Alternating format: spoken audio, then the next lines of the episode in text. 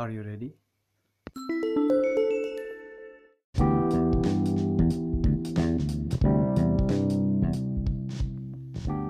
Apa kabar semuanya?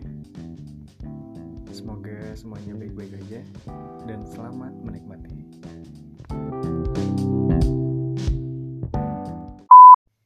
Let's start the podcast. tes ya Eh, oke buat sekarang kita bakal ngobrolin obrolan santai seputar kuliah. Jadi kayak misalkan eh, masalah jurusan terus bingung-bingungnya dulu waktu SBMPTN pusing-pusingnya milih jurusan hingga akhirnya ada yang ngikutin orang ada yang ngikutin cita-cita ada yang ngikutin gengsi. Nah di sini kita sebelum ngobrol mau ngenalin dulu ada Oki Firmansyah Raharjo. Halo, ada Agung Raharjo Hai. Agung Agung apa Muhammad Agung Raharjo. oh Muhammad Agung Raharjo Hai. sama ada Widiantoro Widiantoro apa Aja. Aja. SCMC Psikolog. oh em- udah SPC udah SPC MPC-nya lagi jalan S2-nya di UGL Ada. oh gila Mantap mantap. Kang menurut Akang nih ya kalau nggak menurut di sini deh seberapa penting sih memperhitungkan masuk jurusan apa apa apakah ikutin orang lain atau keinginan kita sendiri atau gimana gitu yang bagusnya ya yang bagusnya Hmm? kalau kita sudah kenal diri kita sendiri udah tahu udah bisa nentuin pilihan ya tentuin ap- apa ngikutin aja apa yang kita pilih gitu sebetulnya toh nggak ada patokan bahwa misalnya Widi ini cocoknya cuma di eh, kedokteran aja misalnya gitu ya. Wih. misalnya gitu. Iya bilang itu nggak ada. Nggak ada ketentuan kayak gitu. Jadi seorang Widiantoro ini pasti bisa kuliah di jurusan kedokteran di teknik di manajemen di eh, sastra misalnya gitu ya. Itu pasti bisa. Punya dasar-dasar eh, pengetahuan untuk kuliah di sana gitu. Sebetulnya nah makanya penting juga di sini minat dan pengetahuan kita terhadap jurusan itu. Jangan sampai nah yang kebanyakan orang-orang gagal kuliah itu di situ nggak minat sama jurusannya. Potensinya ada. Dia punya potensi dasar untuk kuliah di situ. Cuma karena nggak minat jadinya setengah hati. Iya benar setuju. Nah itu kasus-kasus yang biasanya terjadi sama orang-orang yang ngerasa salah jurusan. Padahal dia mampu cuma nggak minat. Jadi ngejalaninnya setengah hati gitu loh jadi kayak dia tuh tersugestikan untuk ah pasti males males. Jadi Iya. kuliahnya juga jadi males. Iya gitu loh. Karena yang nentuin kita lulus kuliah atau enggak kan Allah sama perguruan tinggi yang kita tuju. Iya ya nggak benar. sih? Makanya. Terus kalau Akang dulu nih milih kuliah itu kayak gimana? Milih jurusan deh jurusan. Itu kenapa sih tiba-tiba jadi psikologi terus Agung kenapa bisa jadi teknik informatika ya. Terus Oki kenapa bisa jadi manajemen? Kan pasti ada alasan-alasan sen- sendiri gitu. Siapa? dari Oki dulu deh. Kalau dari saya sih kalau milih manajemen ya. Karena gak Eh, SDM nggak pertamanya emang ditekan dari kecil gitu ya sama orang tua. Pokoknya ditekan nggak nggak kedua orang tua sih ya salah satu. Kedua orang tua salah satu orang tua itu neken dari kecil pokoknya ingin jadi dokter dokter dokter dokter pokoknya sampai Iya. kelas 10 SMA atau kelas 1 SMA jadi dokter terus waktu kelas 11 tiba-tiba kepikiran nih ingin masuk manajemen dari dari kelas 11 sudah kepikiran terus Nah. dari situ mulai ngegali tiba-tiba kepikiran kapoekan atau- kepoekan ya, kayak gitulah jadi dari Pak dari eh, baru, baru hidup sampai kelas 1 SMA itu kayak kapoekan gitu lah kan? nah jadi apa ya?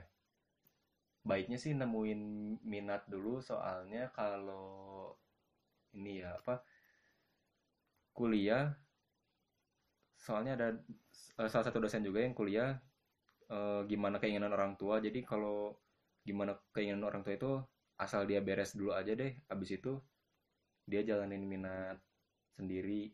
Eh apa minat yang apa yang dia eh, minati gitu. apa yang dia minati kalau saya sendiri sih nemuin minat dulu terus kalau udah ada minat insya Allah udah bakat lah soalnya kalau udah minat ya bakat minat eh, bakat harus yang benar-benar diminatin gitu ya bukan yang ikut-ikutan atau apa ya minat karena gengsi doang. lah karena Gengsi. gengsi, Nah, Ya, itu. asal masuk negeri kan ada tuh orangnya kayak gitu Iya, Mm-mm. benar. ada tuh kalau Agung sendiri gi- gimana Gung? Kalau dari saya sendiri, saya awalnya dari kelas 10 itu udah rencana abis lulus kuliah eh lulus sekolah ini saya ingin masuknya jurusan psikologi sampai saya tuh kelas sampai kelas 11 Ini udah pindah banget ya nyicil-nyicil dikit belajar tentang psikologi dimulai dari baca buku-buku ringan sampai Buku. minta dijelasin sama Kang Widi sendiri.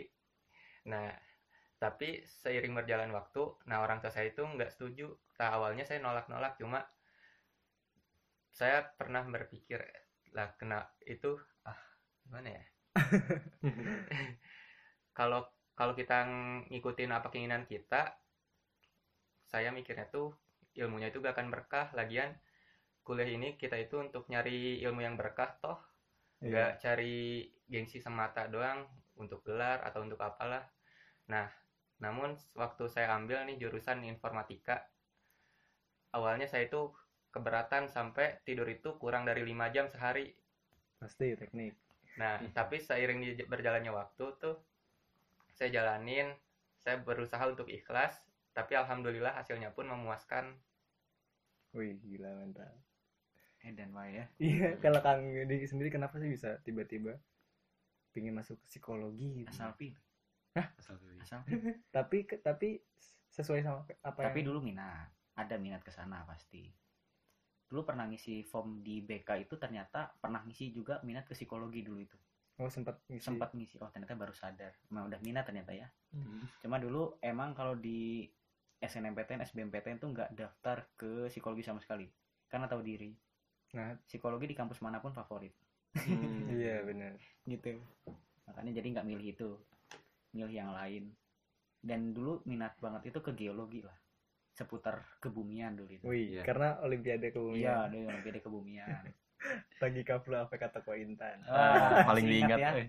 itu tingkatan kekerasan batuan mineral ya. Eh, nih jadi eh, suka di geologi. Jadi SNMPTN SBMPTN pun dulu ikut simak UI juga semuanya jurusannya geologi geologi. Simak UI ikut? Ikut. Wih gila kan Simak Oh iya, saya nggak saya telat daftar. Tapi jadi telat tahu informasinya telat. Dulu tesnya ada di SMK 3 zamanku itu. Aku Tiga. ikut 2015 2016 loh dua-duanya oke juga. Kan bukannya ikut juga. Enggak enggak ikutan. SBMPTN dua kali. Oh iya dua kali SBM cuma penasaran aja Iya, ingin ke sama. kampus favorit gitu. Sama sama. Eh, eh. ikut SBMPTN dua kali. Terus menurut Akang nih baiknya gimana sih kalau misalkan kita nentuin jurusan? Nentuin jurusan. Kan pasti ada banyak ini yang bingung. Gimana Iya. sih nentuin jurusan tadi ya nomor satu itu kalau misalnya kita kenal sama diri kita sendiri nggak usah bingung. Itu yang paling pertama gitu ya. Masalahnya jarang banget ada orang yang kayak gini. Tapi ada kok teman-temanku banyak yang kayak gitu. Mereka udah tahu gitu mereka mau ke mana tujuannya apa mereka udah punya visi misi yang jelas Wih. di tuj- di jurusan itu gitu. Kalau udah kayak gitu ya nggak apa-apa santuy. Tinggal lanjutin jalanin. Kalau keterima alhamdulillah nggak keterima ya siap plan B iya. Gitu kan plan B-nya entah swasta kalau nggak milih jurusan lain. Iya. Kayak benar. gitu kan. Nah itu yang pertama. Yang kedua bisa juga tuh ditambah sama minta tolong ke teman teman kita tolong yang sering ngobrol sama kita atau orang tua atau guru yang dekat sama kita minta pendapat mereka. Pak bu atau teman misalnya ya kira-kira saya ini cocoknya di jurusan apa ya untuk kuliah nah jadi kita minta pendapat dari orang lain minta perspektif orang. Itu juga cukup membantu. Dan catatannya kalau kayak gitu harus yang betul-betul paham kita orang itu kenal sama kita biasanya kalau yang betul-betul kenal tuh bakal ngasih masukan yang lebih objektif lah dibanding yang kurang kenal. Kalau BK BK kalau BK kebanyakan orang-orang BK itu kalau yang update sih bisa ya. Cuma kan nggak semua guru-guru BK itu update tentang jurusan iya benar ah Gitu. kamu jangan masuk situ nggak cocok. Nah. Ibu tuh saya di kelas aja enggak. Iya kan? Iya. makanya sebetulnya kalau kayak gitu kurang tepat. Ya baiknya sih kalau BK itu konselong eh konselong konselingnya ini lebih ngarahin ke apa ya namanya itu? Pembentukan komitmen lah. Bener nggak mau masuk jurusan ini? Kalau di BK itu. Bagusnya kayak gitu kalau mau bimbingan dan lebih bagus lagi kalau misalkan ikut psikotes Nah itu. Saya sempat ikut Gitu. psikotes sih yang waktu kelas 10. Iya. Waktu pernah masuk ke SMA Hmm. kan psikotes. Terus ternyata eh, ju- buat jurusan IPA, IPS dan bahasa standar semuanya. rata-rata gitu ya Iya, nggak nggak ada yang nggak ada yang lebih menonjol. Eh, terus kayak eh, apa ya? Kayak misalkan lebih ke administrasi dan kayak gitu. Padahal saya sendiri sih nggak begitu tertarik. sih.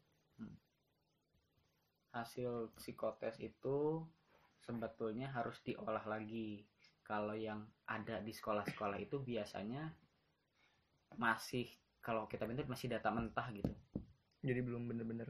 nah makanya harus digali lagi sama konseling gitu Oh, yang namanya itu istilahnya kalau di gitu konseling karir ya penjurusan itu maksudnya ke konseling karir jadi perlu banget tuh guru-guru BK seharusnya bisa paham gitu tentang konseling karir jadi nanti eh, siswa-siswa di sekolah ya nggak usah mahal-mahal ke psikolog lah gitu Hmm. kalau aku malah nggak promosi deh emang mahal, mahal psikolog. ya iya Kisaran kalau berapa gitu? Kisaran? untuk tes-tes penjurusan kuliah kayak gini ini di beberapa tempat ya nggak bisa digeneralisasi beberapa contoh aja. Di UGM itu 350.000 di UIN sama 350.000 sekitar 300.000 lah. Itu udah sama konseling. Oh, udah sama udah konseling. sama konseling. segitu. Main sih, saya nggak tahu dulu infonya. gitu jadi kalau memang kita galau banget betul-betul nggak tahu diri. Nggak tahu diri. Nggak. Ya maksudnya nggak kenal diri kita sendiri gitu nggak Nggak tahu tahu diri. Nggak terlalu kenal sama diri kita sendiri kita minatnya di mana atau keputusan yang belum bulat dan lain-lain bagus tuh kalau misalnya uh, mempertimbangkan buat konseling ke psikolog gitu terutama psikolognya yang di bidang pendidikan ya Nah, kan sendiri kan Hmm. bidang pendidikan. ya saya di bidang pendidikan guys Nah, yang buat bingung bisa tanya-tanya. iya Terus oke ada mau nanya nggak ke Kang Widi kira-kira? nanya tentang apa ya eh belum kepikiran Gung belum Saya sih mikirnya kayak gini kalau kalau waktu saya dulu mau masuk kuliah mikirnya eh, mau ngejar mau ngejar cita-cita atau mau ngejar gengsi. Kalau misalkan ngejar cita-cita, ya saya eh, fokus sama jurusan yang saya mau. Kalau ngejarnya gengsi, ya udah jurusan mah terserah gimana nanti. Yang penting masuk negeri. Dulu kan pernah mikirnya kayak gitu. Kalau saya dulu sih mikirin nentuin eh, apa namanya jurusan kayak bikin keuntungan dan kerugian kalau masuk jurusan ini keuntungannya apa kerugiannya apa terus yang paling cocok sama saya yang mana kayak memet- lebih memetakan kira-kira akhirnya pilihnya yang ini gitu karena lebih cocok. Jadi ketika masuk SBMPTN ada tiga pilihan. Yang pertama diisi sesu- sesuai sama apa yang kita mau tapi berdasarkan pertimbangan yang tadi. Jadi pilihan satu karena keuntungannya lebih banyak. Pilihan dua karena keuntungannya lebih banyak juga daripada yang terakhir gitu Nah, kalau tapi kalau menurut Akang kalau misalkan buat orang-orang nih yang dipaksa buat masuk jurusan sama orang tuanya, itu gimana? Mm-mm. Kan pasti berat tuh. iya benar itu kalau pendapatku itu adalah contoh perilaku yang tidak bijak jadi nggak bijak gitu ya Iya. kalau misalkan kayak gitu oke orang tua kita mungkin seperti itu karena apa nggak sengaja biasanya Nggak mereka sengaja. ngomong kayak gitu tuh kan dalihnya tuh buat kebaikan kita ya nggak sih? Iya benar. nah, cuma mereka mungkin belum pernah belajar sebelumnya. Gimana cara menentukan jurusan buat anak gitu ya. Kan mungkin mereka mikirnya jurusan yang udah jelas kerjanya itu dokter eh, teknik eh, misalkan eh, orang hukum terus guru gitu kan. Yang paling jelas itu kerjaannya. Jurusan-jurusan yang aneh-aneh disebut itu pasti dipertanyakan.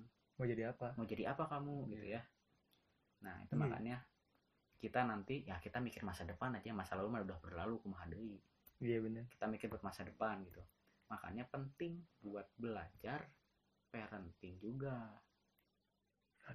Parenting tuh. Nah, penting tuh kita jadi orang tua yang nggak bisa instan gitu ya kayak mie instan mie instan aja harus diproses dulu Iya benar. apalagi jadi orang tua cuy kita ngurus Kan amanah sekarang ada pelatih, ada pelatihannya dulu. wah bener ada pelatihannya sebelum nikah ada eh, kelas pranikah ya Iya. Hmm. tapi kelas pranikah itu belum cukup kebanyakan materi-materi pranikah itu banyak bahasnya ke eh, ya kayak fungsi pernikahan dan lain-lain cuma untuk parentingnya sendiri itu nggak cukup nggak bakal cukup dari situ makanya rajin baca di YouTube pun banyak kok santai aja nggak Iya, mahal bener. ilmunya Iya benar-benar. Kalau misalkan, nah balik lagi ke jurusan kan pasti banyak yang bingung. Terus kayak nggak pede. Kalau misalkan masuk kayak Kang Kang Widi, Kang Widi tadi memilih psikologi nggak pede karena yang lain lebih apa namanya termasuk eh, unggulan lah atau apa. lah. Nah buat ngeyakinin diri kita kalau misalkan kita mampu itu gimana? nah kalau ada tipe-tipe orang yang berani buat eh, gila gitu ya Gila. Iya, berani buat gila gitu. Jadi coba-coba ke jurusan-jurusan yang eh, katakanlah favorit gitu ya. Ada yang kayak gitu. Jadi uji nyali lah bisa dibilang. Hmm. Iya. Kalau saya, kayak gitu nggak apa-apa ya boleh, silahkan aja gitu. Kan itu lebih ke strategi. saya gagal sih Kang. Pingin masuk UI. Iya. Terus pilihannya ketiga-tiganya favorit. Apa aja tuh? Enggak di UI-nya sih favorit kayak sistem informasi kan favorit. Mm, jadi eh, passing grade-nya gede banget terus yang keduanya farmasi sama-sama gede jadi Hmm. kayak orang-orang bilang nggak nyadar diri lah atau apa Hmm. tapi saya saya pikir sih kayak kayak lebih menantang pingin tahu apakah kita mampu atau enggak Hmm. walaupun saya dulu eh, SBMPTN-nya misi jadi kema- eh, kemungkinan keterimanya lebih sedikit Kata siapa? kemungkinannya jadi kayak kayak lebih minder gitu kayak minder Oh, kok lebih sedikit lebih banyak sejauh ini nggak ada informasinya ya iya benar dari ini dari ini tuh belum ada gitu. Tapi memang ngomongin kampusnya aja, Sal. iya UI aja jurusan bener. apa pun ya itu udah favorit cuy. iya benar jadi Iya kayak sih? minder gitu Oh benar. Nah kalau masalah itu tadi ya SBMPTN itu juga nuntut yang namanya strategi. Gitu makanya kita betul-betul tahu karakteristik kampus yang kita tuju, tahu jurusannya kayak gimana, persaingannya seperti apa. Jadi kita bisa mikir gitu ya kita buat strategi kira-kira baiknya buat saya kayak gimana. Iya. Kalau aku sendiri nih, eh, kan gak keterima SBMPTN, Dua kan? kali. Dua kali. Agung juga, Agung berapa kali gue? Sama sekali. Sama sekali. Terus gimana sih rasanya masuk ke swasta? Malu kah atau gimana? Gak pede? Hmm. ke swasta pertama ya ada kecewa gitu gara-gara nggak diterima soalnya ingin banget itu ke ITB masuk S- Manajemen. apa Heeh, manajemen ITB itu kan keren gitu ya keren terus emang mantap-mantap juga mahasiswanya terus ya kalau masuk mantap, swasta mantap gimana nih? mantap-mantap Apanya nih? Mantap, mantapnya. pokoknya good lah gitu nah Boleh lah, like dicoba. boleh ntar kita lihat Kok dicoba? Enggak, maksudnya, maksudnya coba deketin. C- eh, kita ada pendekatan lah gitu Buat anak kok coba. sinergi Sinergi. buat keluarga Eh, jadi gitu kalau masuk swasta sih apa ya pertama sih kayak yang apa ya agak malu-malu gitu tapi ke sini ke sini ya wani adu lah gitu kualitas diri orang eh kualitas diri Oh, saya yes. gitu berani adu lah sama yang lain apa ya ngapain insecure juga ngapain minder setiap orang kan punya kelebihan masing-masing nah Iya jadi benar. Mm, jadi walaupun apa ya kualitas diri masih segini tapi ya di pede-pedein gitu Iya benar. Eh, dibuat-buat Kalau Agung gimana, Agung? Kalau untuk saya sendiri, kalau untuk SBMPTN sebenarnya udah coba itu juga berusaha semaksimal untuk masuk jurusan teknik informatika.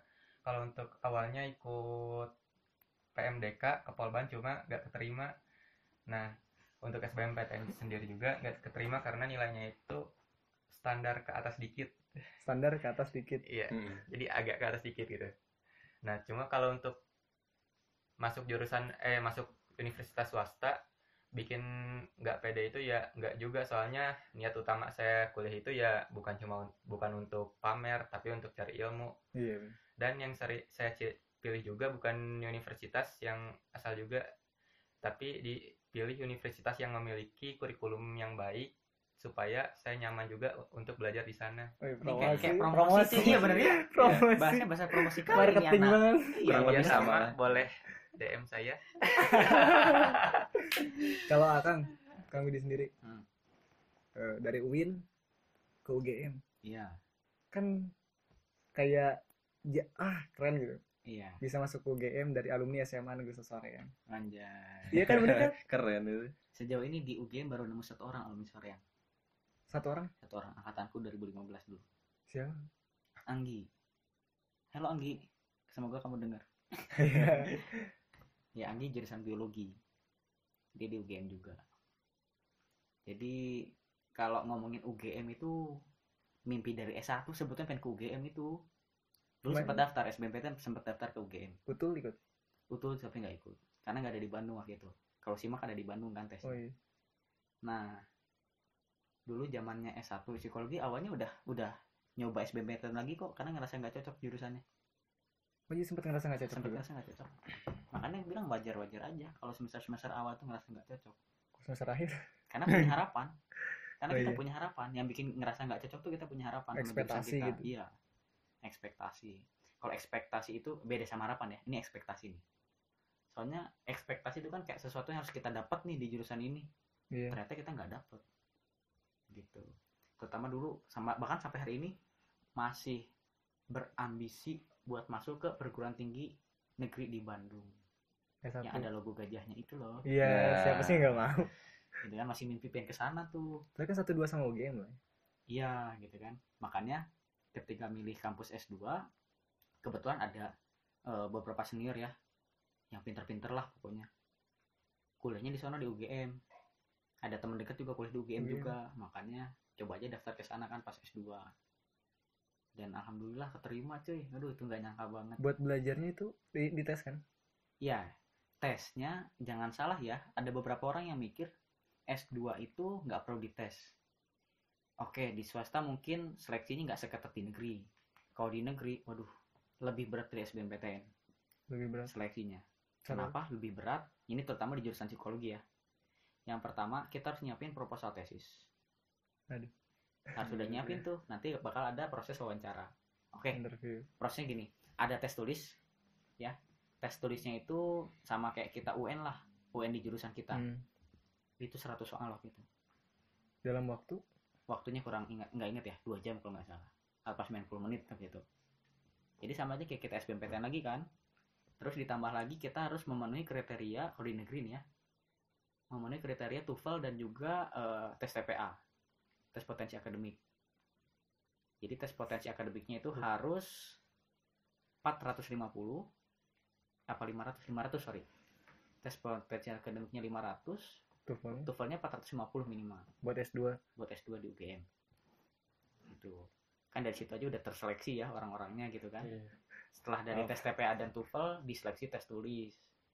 Tes tulis tar habis itu nanti ada seleksi LGD LGD LGD baru denger ya itu kayak kita mau daftar kerja.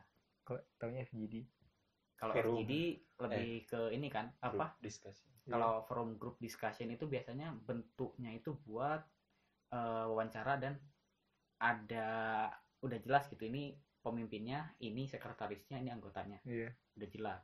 Kalau leaderless group discussion itu jadi orang berkumpul ya udah silahkan kalian ngobrol. Pemimpinnya kalian pilih sendiri.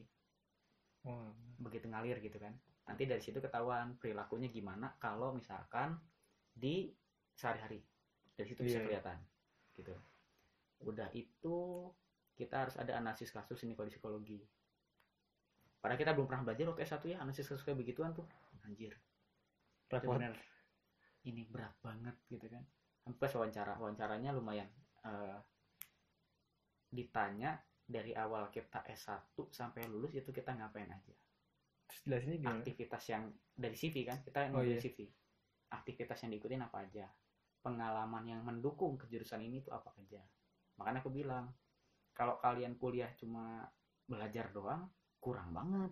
Sayang banget ya. Sayang banget gitu. relasi nggak dapat relasi nggak dapat dan nilai jual nanti di perusahaan misalnya kalau kalian kerja atau mau lanjut bakal berkurang gitu nilai jadi organisasi sangat mempengaruhi. Organisasi itu penting. Tapi lebih penting lagi. Kalau kita komitmen di satu organisasi tapi kita jadi petingginya lah oh iya mah. iya. Nah itu lebih penting lagi. Artinya kita memang komitmen dan kepake lah di sana. Iya benar gitu kan. Nah itu. Terus ditanya juga tentang eh, kenapa masuk jurusan ini gitu gitulah kayak biasa gitu.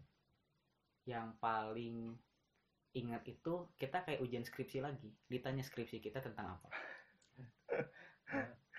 Tesisnya mau tentang apa waduh Hmm, udah gitu ditanya kan di awalnya. di awal iya jadi kita makanya bilang dari awal itu sama kalian kan kalau mau S2 harus jelas. Beda sama S1 gitu. Tujuannya apa? Kalau beda major berarti bingung juga ya. Ya kalau beda major memang harus jelas kan tadi kenapa harus beda major? Iya benar. Gitu. Nah karena harus penting banget kalian paham mau S2 itu buat apa gitu. Terus ikut ke dalam waktu kan tadi ada 100 soal terus belajarnya gimana? Kalau aku tipe anak yang kebetulan kalau ngomongin teori itu udah belajar ya minimal sebulan sekali baca lah gitu ya. Suka-suka baca gitu. Iya. Minimal sebulan sekali suka baca. Jadi kalau kemarin untuk teorinya sendiri persiapannya nggak begitu riuh sih. Yang lebih riuh itu mempersiapkan TPA dan TOEFL. Wadaw. Karena belum pernah tes sebelumnya nggak tahu TOEFL skornya berapa TPA skornya berapa oh iya benar. Gitu kan? Jadi persiapan di sana sih banyak. Menurut Akang nih strategi yang bagus buat belajar eh, di SBMPTN itu kayak gimana? Nah, kalau di SBMPTN itu memang macam-macam sih ya. Memilihkan. Mm-mm. pasti memang memilihkan salah satunya. Tapi bisa dipersiapkan. Kalau misalkan mampu nih kalau dari saya mah mending les. Kalau mampu keluarganya ya. Iya. Catatannya tuh kalau mampu les ya les aja gitu. Itu bagus bakal mendukung gitu. Tapi kalau misalkan enggak kan bisa di ada alternatif lain. Misalnya apa? Belajar bareng temen. Nah itu ngaruh banget. Nah belajar bareng temennya benar-benar buat aturan. Hmm. gitu kan kebanyakan bareng- belajar bareng teman Main. juga pernah. Main, malah ya. main kan jadinya. Iya. malah makan-makan dan ngegosip. Makanya dari awal disetujuin sih kita ngerjain eh, 10 soal misalnya. Kayak gitu udah dari awal udah ditentuin. Nanti yang bahas siapa bahas siapa dan jangan cuma satu orang semuanya juga ikut bahas. Hmm. gitu loh. Jadi ada timbal balik gitu ada eh, resiprokal timbal baliknya Iya. gitu kan. Jadi kita sama-sama belajar dan kita sama-sama mengajar. Gitu. Soalnya kalau misalkan mengajar itu biasanya lebih ingat. Lebih ingat bener sah iya bener. Mm-mm, makanya tadi bilang jangan cuma kita belajar dari satu orang doang kita juga ngajarin orang. Nah iya. Gitu. bener setuju. Kalau Agung dulu sama Oki gimana cara belajar SBMPTN Wah, gagal SBM jangan ditanya lah. enggak maksudnya kan bisa biar jadi pelajaran buat yang lain Eh, jadi ya ada gambaran lah Iya. berarti harus belajarnya kayak gimana apalagi kan Oki dari IPA ke IPS Mm-mm. saya juga. Sama ya. iya sama ya Kalau saya dari IPA ke IPS, tapi belajarnya eh, belajar itu berapa mata pelajaran ya? Empat ya? Apa? IPS, eh, IPS ya? geografi, sejarah, ekonomi ekonomi, sosiologi, empat. Nah itu dipelajari dalam waktu satu bulan dari Bah. dari UN, eh dari setelah UN sampai waktu SBM. Jadi ya itu kan nggak efektif lah ya nggak efektif harus dari jauh-jauh hari udah ngapalin apalagi waktu itu Kang Widi juga udah apa ya ten- bahas tentang apa ingatan jangka panjang gitu ya memori jangka panjang jangka pendek nah memori jangka panjang kan itu lebih long term namanya juga ya. mm, long term. Jadi terus kapasitasnya juga lebih besar gitu katanya nah. Daripada ingatan jangka pendek. Mm-mm, jadi bagusnya dari jauh-jauh hari udah baca-baca jangan langsung berat langsung belajar banyak gak kuat ya. Hmm, betul banget buat yang panik kan? Yang panik kan gimana jadi dia panik gitu sebelum dia tuh, takut belajarnya gimana nih aku salah dan sebagainya. Nah kalau respon otak kalau kalian panik nggak masuk masuk tuh materi. Cara menenangkan dirinya. Nih kalau kita panik ya Wudhu ya kita tegang otak kita tuh jadi lebih keras tuh jadi lebih keras. Jadi nerima informasinya jadi kayak mental gitu loh. Kayak udah jenuh. Gitu. kan kalau jenuh nggak masuk. Ya jadi nggak masuk gitu kan. Kalau otaknya keras itu informasi jadi susah masuk susah diproses lah. Makanya agak kendor kan iya. Nah caranya biar kendor gini apa? Relaksasi. Olah relaksasi. napas. Posisi duduk berpengaruh. Posisi duduk yang enak itu. Terus tarik napas tujuh hitungan. Tahan empat hitungan. Tujuh hitungan? Tarik nafasnya tujuh hitungan. Tarik tahannya empat hitungan. Terus keluarin delapan hitungan. Hmm. ulangnya itu minimal enam kali. Saya baru tahu. Tujuh empat enam. Tujuh empat nah tujuh empat delapan. Tujuh empat delapan. Delapan. Terus gimana lagi kang itu itu cara yang paling mudah dan paling murah buat ngontrol kalau kita lagi cemas kita lagi nggak pede kita lagi takut gitu ya. Itu cara yang paling mudah gitu. Sisanya yang lain harus terapi mungkin kalau udah lebih ngeganggu gitu ya. Iya. Kalau udah parah ya pasti butuh terapi. Cuma kalau kita yang normal-normal biasanya itu udah cukup. Atau kalau kita lagi nggak puasa minum air putih air hangat. Eh, air hangat. ya. Kalau air dingin? Air putih lebih bagusnya air hangat putih kalau enggak kita lagi tegang lagi takut eh hangatin diri kita. Iya. pakai selimutan. Serius pakai selimut. Selimutan. Terus misalkan ini pakai sarung tangan pakai kaos kaki. Nah, itu kenapa? Karena kalau kita lagi takut itu respon tubuhnya itu bakal tegang kan? Iya. Nah si tegang ini bakal apa ya lentur lagi gitu ya bakal kendor lagi tuh kalau misalkan dapat sensasi sentuhan sama kehangatan gitu nah sebetulnya bagusnya itu kalau udah nikah gitu ya dipeluk. Bagus itu dipeluk gitu. Makanya kalau orang lagi panik kan di kalau di nangis dan gitu dipeluk kan nanti bakal Tenang. reda gitu kan. Ayo Nah. baper. kayak gitu. Nah untuk mengganti itu bisa caranya tadi pakai selimut. Meskipun kita kepanasan pun gitu ya iya. hari udang pun tetap kita pakai selimut eh, sarung tangan kaos kaki. Berarti kalau misalkan udah menuju tes udah duduk di tempat tesnya kitanya panik tarik napas tujuh hitungan. Tahan Tahan. empat hitungan. Keluarkan delapan hitungan. Hmm. ulangi enam kali. Ulangi enam kali. Ya tujuh empat delapan enam. So dulu nggak nggak nggak kepikiran ngerjain ngerjain aja. Iya. Itu kalau kita tegang. Kalau kita nggak tegang ya ngapain pakai tarik nafas dan lain-lain gitu. Kan biar iya. Bercerah. Biar cerah bisa Tidak poin. kepoekan iya. Kayak gitu. Kalau Gung sendiri cara belajarnya dulu gimana Gung Kalau- biar ada pandangan baru lah. Untuk saya sendiri tipe orang yang nyicil-nyicil. Jadi nggak suka di sekaligusin soalnya kalau sekaligusin tuh malah nggak masuk iya Materinya. pusing. Iya. Nah mana ada satu kendala lagi yang bikin nilai SBM PTN saya tuh nggak sesuai harapan yaitu waktu pelaksanaannya saya duduknya tuh depan AC banget tuh. Mana di di set AC-nya tuh sama pengawasnya tuh paling dingin nah di situ saya malah ngisi soalnya tuh buru-buru karena ingin izin ke WC nah oh iya kalau jadi ada satu nilai tuh nilai TPS yang terjun payung yang bikin nilainya tuh ngedrop. berarti posisi eh kalau kalau kayak gitu kan bisa bilang ke si pengawasnya bu maaf dingin saya nggak bisa fokus. Nah itu asertif ya ayo. Awal- Nah awalnya tuh udah dinaikin cuma kata pengawasnya tuh aduh panas. Bukan ini AC-nya turunin lagi ya takut komputernya overheat. Nah di situ saya bingung. Ada aja cara cara. Eh jangan salah ya. Kalau di kajian eh, orang-orang psikologi yang mendalami tentang eksperimen nih eksperimen psikologi ya Iya. ada bidangnya khusus tuh. Suhu ruangan aromaterapi dan juga musik relaksasi itu bisa ningkatin prestasi loh Wih. ya makanya tadi Pak Agung kan kedinginan. Nah itu bakal ngaruh tuh. Otak kita jadi nggak konsen oh lah makanya ada suhu ide cuma nggak belum tahu sampai sekarang sih belum pernah baca eh, riset-risetnya gimana. Yang jelas kalau di suhu tertentu itu yang ideal buat kita belajar. Ada suhunya gitu yang ideal. Suhu tertentu terus tadi apa? Aroma. aromaterapi. Makanya kalau ntar bau sampah bau kelek gitu kan Hmm. atau bau makanan busuk gitu ya itu pasti ngaruh nanti. Kita di kelas bakal kurang konsentrasi. Iya benar terakhir tadi itu apa? Musik ya? Musik musik. Nah musik juga bagus. Cuma buat beberapa orang ada yang nggak cocok ada yang cocok. Ya Hmm, ada sama yang- kayak aroma. Aroma juga ada yang cocok ada yang nggak cocok. Cuma kalau di- kita bicara secara umum Iya. secara umum kan rata-rata berarti ya rata-rata itu bakal eh, mempengaruhi pola belajar orang-orang gitu. Kalau belajar bagusnya siang atau pagi? Eh Beda-beda. siang pagi malam? Kan Hmm. ada tipe-tipe orang belajar jam produktif itu orang jam produktif orang tuh beda-beda. Kalau aku tipe orangnya yang lebih produktifnya itu maksimal banget sampai jam 10 pagi. Dari jam? Dari bangun tidur.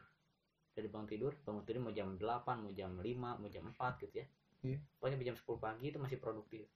Udah lewat udah nggak bener tuh otak. Butuh apalagi, istirahat. apalagi tengah malam. Ah udah nggak bener banget. Enggak kalau saya lebih lebih lebih lebih enak belajar itu malam. Beda ya kalau aku.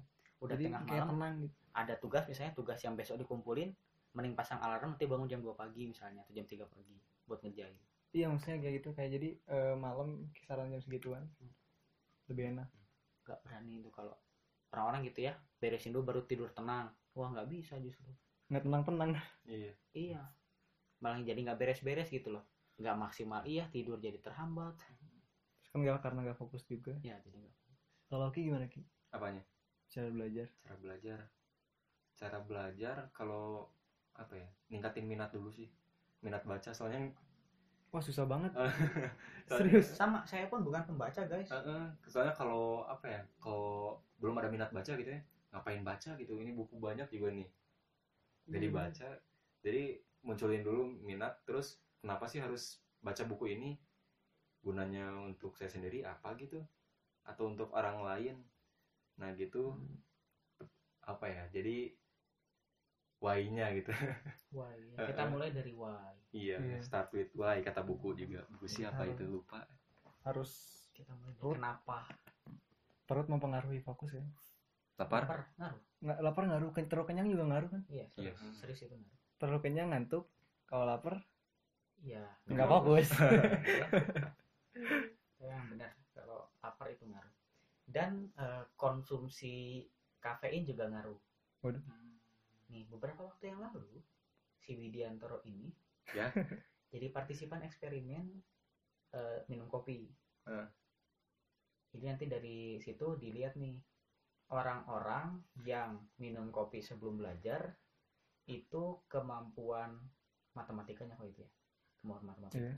kemampuan aritmetikanya itu biasanya lebih tinggi daripada yang nggak minum kopi Wah, saya suka kopi banget nah, gitu. jadi kalau ngeliatin soal Matematika. matematika nih ada hitung-hitungan ah, bisa dibantu sih kita kayak ngopi dulu gitu sebelum ngerjain. Jadi ada beberapa makanan yang membantu untuk belajar gitu. Mm. mantap. Salah satunya kopi. Iya karena tapi dengan dosis tertentu. Kalau berlebihan Nah, juga kalau berlebihan juga jelek gitu. nanti jadi sakit lambung. Kemarin itu dosisnya itu kopi hitam tanpa gula espresso tuh. Espresso. Espresso. Wow. enak banget satu cangkir yang kayak di Indomaret eh sebut merek nggak bukan? Kayak di Indomaret gitu. Satu cangkir kecil eh, seloki yang atau kecil yang yang, yang, Cekil. yang kecil Cangkir. gitu ya. yang kecil. Ukuran cangkir iya segimana yang ya. kecil itu. Yang sedotannya ceper itu loh. Oh, oh iya Pak. benar benar benar itu. segitu. Segitu dosisnya kemarin ya di eksperimen itu. Oh, bisa berarti ditiru lah. boleh dicoba lah ya. Iya.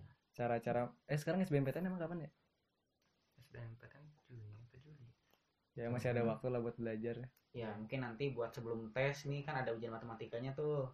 Ngopi Bisa lah dulu ngopi kan dulu gitu paginya. Dibarengin sama itu jangan tapi pastikan juga. Pastikan juga nggak punya mah.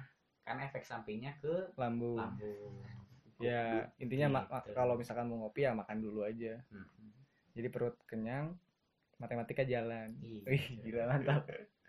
hati pun senang ya udah semoga bermanfaat kalau misalkan bingung eh, tadi Kang Widi menyarankan buat eh, apa psikotes. Ya buat psikotes.